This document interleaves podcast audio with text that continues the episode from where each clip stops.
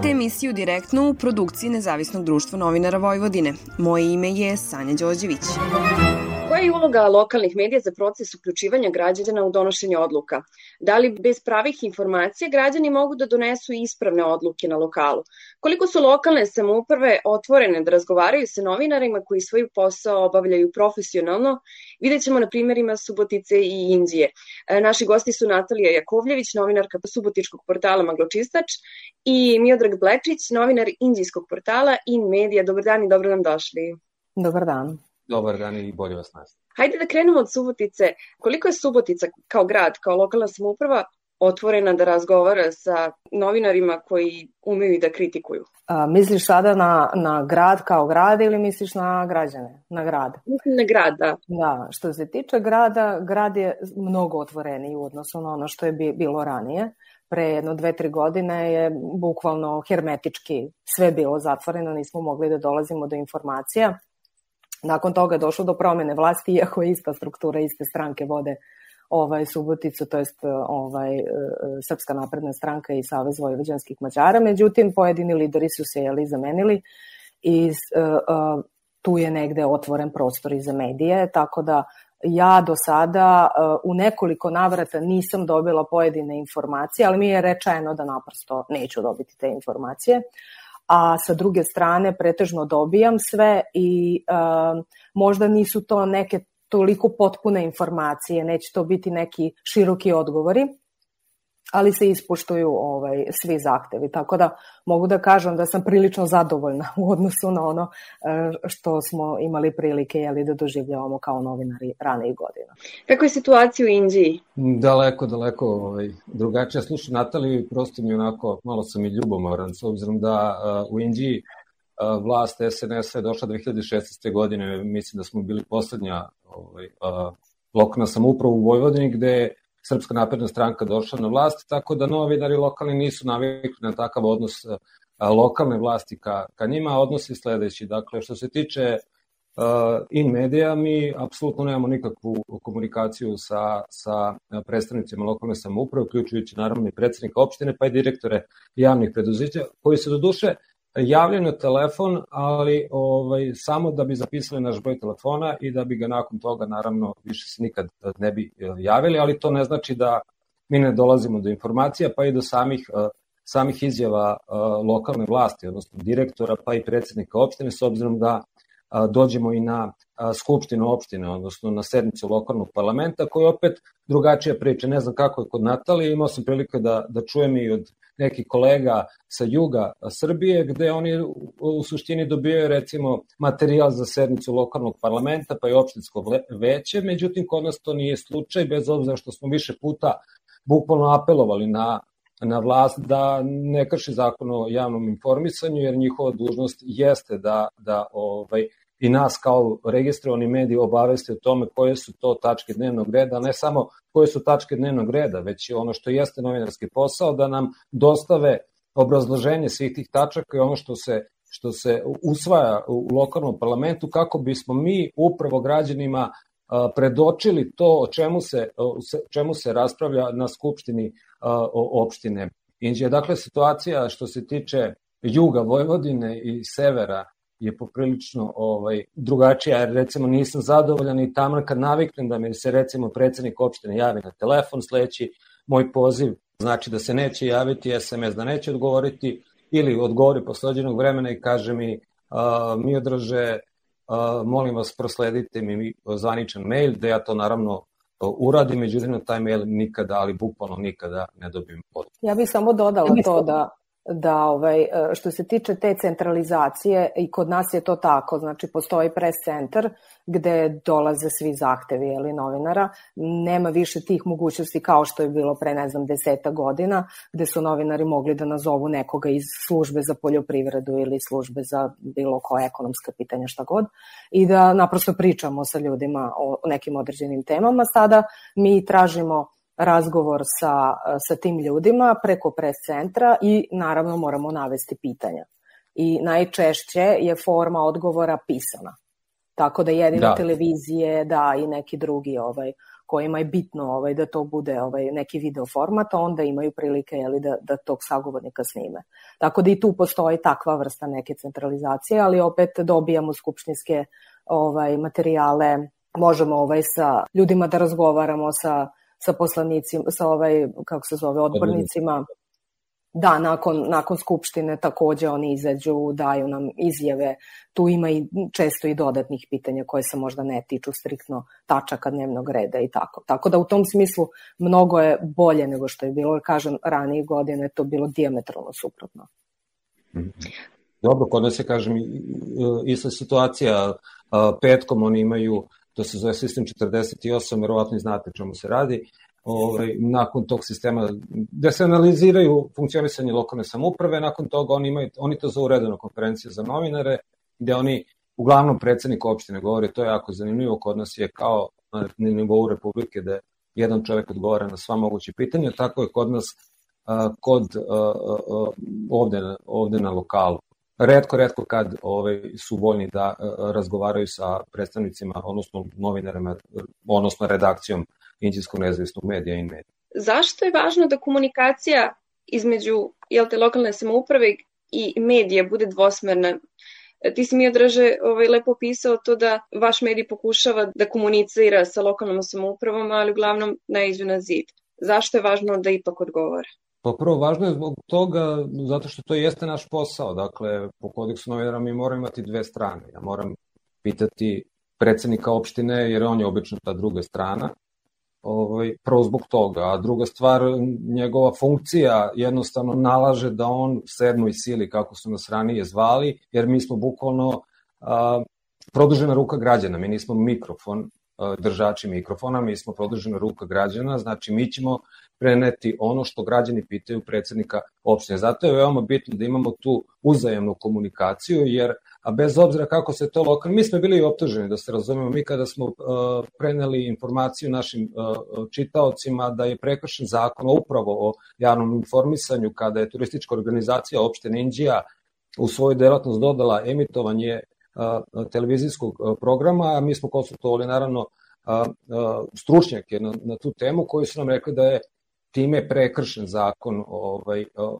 o, o informisanju i čak i, i saopštenje NDNV izdao povodom toga. Dakle, moraju, mora da postoji ta, ta uzajemna komunikacija, jer oni, znate kako je, da, to sam teo da kažem, zapravo tada kada smo to objavili, oni su napali in mediju, da in medija zapravo radi ne na, na napadu direktora u ovom slučaju turističke organizacije koje možda nevešto to to, to uradio, ne, nije se dovoljno ovaj, informisao oko te delatnosti, a oni su napale da mi, uh, oni tvrde da mi zapravo napadamo ne samo njega, već mi napadamo, kako je on rekao, taj direktor turističke organizacije, gospodin Milan Bogović, rekao da uh, ovim tekstom in medija napada ne samo mene kao direktora, već uh, predsednika opštine Vladimira Gaka, u ostalom oni svojim tekstovima napadaju Srpsku naprednu stranku, što apsolutno uh, nije tačno. Mi samo uh, pokušavamo da ukazujemo uh, na nepravilnosti koja koje, koje oni, oni čine svojim donošenjem odluka na, na tim uh, sednicama Skupštine opštine. Zato je bitno da imamo povratnu informaciju. Sad, umesto da se oni opravdaju time da, pošto smo, kažem, mi ukazali, stručnjaci u krajnjem slučaju u našem tekstu su ukazali na to, udruženja novinarska su ukazala na to da je stvarno kršenje zakona, umesto da, da, da kažu da, ok, nismo znali, nismo se dovoljno informisali, oni, oni imaju kontra, oni, oni napadaju nas i onda tako počinju one standarde, standarda vređenja, vređenja novinara koji recimo ne odgovaraju što lokalnim, što uopšte vlastima u ovoj zemlji. Natalija, koliko je teško da biti taj pas čuvar uh, u Subotici? Pa sad ovo sam baš razmišljala o ovom, ovom pitanju.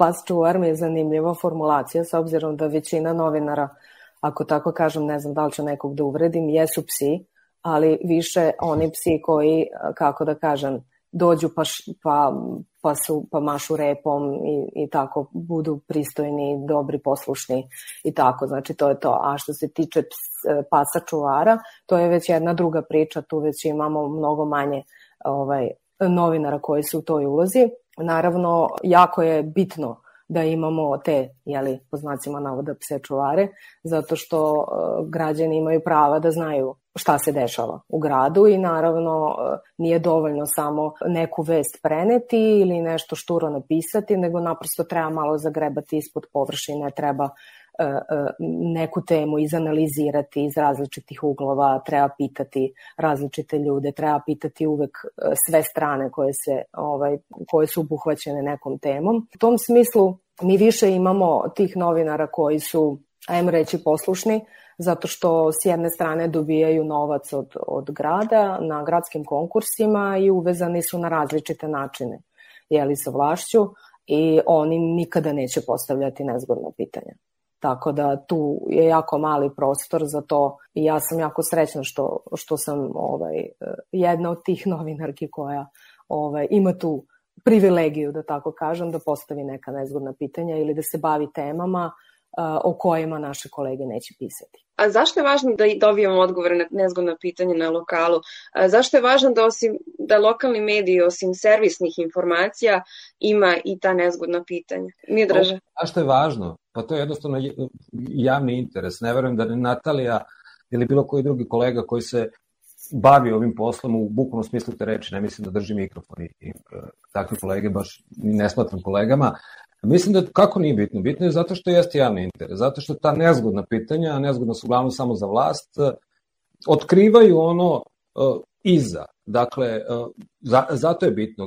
Pomenuo sam, sad se ne vraćam na onu priču oko kršenja zakona, bilo je to svašta nešto. Bilo je, recimo, sad je nedavno doneta odluka koja se opet krši sa zakonom, vodovod je donao neku odluku koja se krši, gde se krši zakon o dva zakona se zapravo krše. Znači, jednostavno, ljudi moraju biti svesni ko troši novac njihov, ko upravlja njihovim javnim preduzećima, ko krši zakone I zato što oni kad izađu na izbore uopšte ne razmišljaju o tome, oni u ovom slučaju glasaju za Aleksandra Vučića, pošto je on nosilac liste jeda, i onda oni postavljaju te svoje ljude. Ali nikog, i taj novac i, i, i sve ti potezi i, i sve to je zapravo uh, Indija, to je vlasništvo građana Indije. Oni i građani Indije plaćaju kako lokalnu vlast, pa tako i te medije koji ih lažno informišu, ako tako mogu da kažem, ili polu informišu, jer se svi, kao što Natalija kaže, plaćaju iz, iz, iz budžeta. A pritom građani apsolutno nemaju pojma ni ko kako radi, ni kakve se odluke donose i zato zato kažem da je da je bitna da su bitna ta pitanja, ta kako ti kažeš, nezgodna pitanja, ja kažem nezgodna pitanja za, za vlast, jer to jeste suština, kažem, novinarstva, to korigovanje, to, to, znači ne znači da svaki put mi kad odemo na teren tražimo neka tako škakljiva pitanja, nego igrom slučaja, o, neodgovornošću lokalne vlasti predstavnika javnih preduzeća, odnosno direktora javnih preduzeća, mi imamo da pitamo upravo ta škakljiva, škakljiva pitanja. Da nemamo, da rade sve po zakonu, da rade sasvim normalno, da, da kao, da, kao ranije, što kaže Natalija, da su otvoreni ranije, mnogo bi, mnogo bi drugačije bilo. Ja se sjećam pre, nažalost moram kažem koliko godina, 20 godina kada sam pisao, isto sam radio naravno kao lokalni novinar isto Inđi i tada smo imali recimo problem sa, sa, sa vodom još tada i, ovaj, i znam da je tada, tadašnji predsednik opštine morao da se vrati sa službenog puta i da sazove konferenciju na novine da pojasni ljudima šta će javno komunalno preduzeće vodo, to je bio naravno i tadašnji direktor, uraditi kako bi se prevazišao, prevazišao ovaj problem vodosnabdevanja koji smo u tom trenutku imali. Mislim da to je bilo negde 2003. ili 4. godine, nakon toga imala Indija, ali to je već neka druga priča. Dalje, probleme sa vodom. Izlazili su direktori objašnjavajući te 2014. 15. recimo smo imali problem, čak i voda bila zabranjena za piće, ali su izlazili direktori, uključujući tadašnjih predsednika opštine, i objašnjavali ljudima šta, šta se zapravo dešava. Zatim, recimo, opštinski sajt, Opštinski sajt je redovno davao o, o, informacije, ne samo servisne informacije kada neće imati struje to, nego i kada su vanredne havarije, kada bilo šta. I imao si bukvalno ti kao običan građan, ne kao novinar, kao običan građan ti si imao potpune informacije šta se u tvom gradu, odnosno u mom slučaju u opštini Indija dešava i građani su, kako da kažem, bili zadovoljni, zapravo upućeni. Ovo sada, od 2016. godine, mi nemamo apsolutno ništa. Znači, nemaš nikakve informacije, ti kao običan građanin ništa ne možeš da saznaš. Možeš da saznaš, sad nije ovo reklama, ali realno, možeš da saznaš ako odeš na in-medija i pogledaš šta je zapravo to. Šta se zapravo dešava iza tih zapravo to nije iza kulisa, to se dešava na, na sednicama lokalnog parlamenta, da te sve stvari o kojima mi pišemo zapravo treba da budu otvorene za javnost, a ne da ja se snalazim tako kako ću doći do materijala, kako će ja ko će mi dostaviti ili kako, na koji način će ovo doći do tog materijala, da ja pogledam šta oni to usvajaju. I onda, pored toga što se namučim da dođem do materijala koji mora da bude, ponavljam, vidljiv za sve uh, novinare, ja meni zabranjuju da, da, da postavljam pitanja, sve zato i onda naravno da postoji taj ta, ta sumnja zašto vi to radite. I onda naravno se ja pozabavim baš bukvalno tim problemom i ovaj pojasnim našim našim uh, čitaocima ovaj zapravo šta je, šta je greška. I to su ta škakljiva pitanja i, i zamislite samo ovako, Sanja, zamisli sad da ti, kao što se meni to dešalo pre 20. godina, da ti lepo pitaš direktora da zašto, primjer radi, sad sam njega uzeo za primjer, zašto imamo problem taj taj i on lepo čovek tebi odgovori i ti prinese svojim ovaj, kako se zove, čitaocima, slušalcima ili gledalcima. U ovom slučaju ti bi se bavio istraživačkom novinarstvom, doći do jednog običnog odgovora da je dužan direktor koga plaća, ovaj, plaćaju građani dok kaže e, ljudi, takav i takav problem, uradit ćemo to, to i to.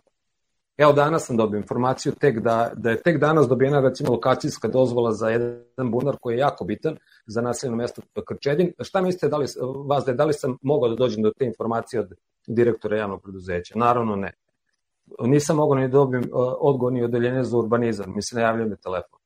Srećom, znam koja je firma u pitanju, znam o čemu radi i morao sam dođem informacije kako bi napisao običnu vest. A to je igranje istrage nekakve, kao da radim za FBI, ne za neki lokalni mediji, čiji je eto, posao da informiše građane kad već lokalna vlast to ne čini.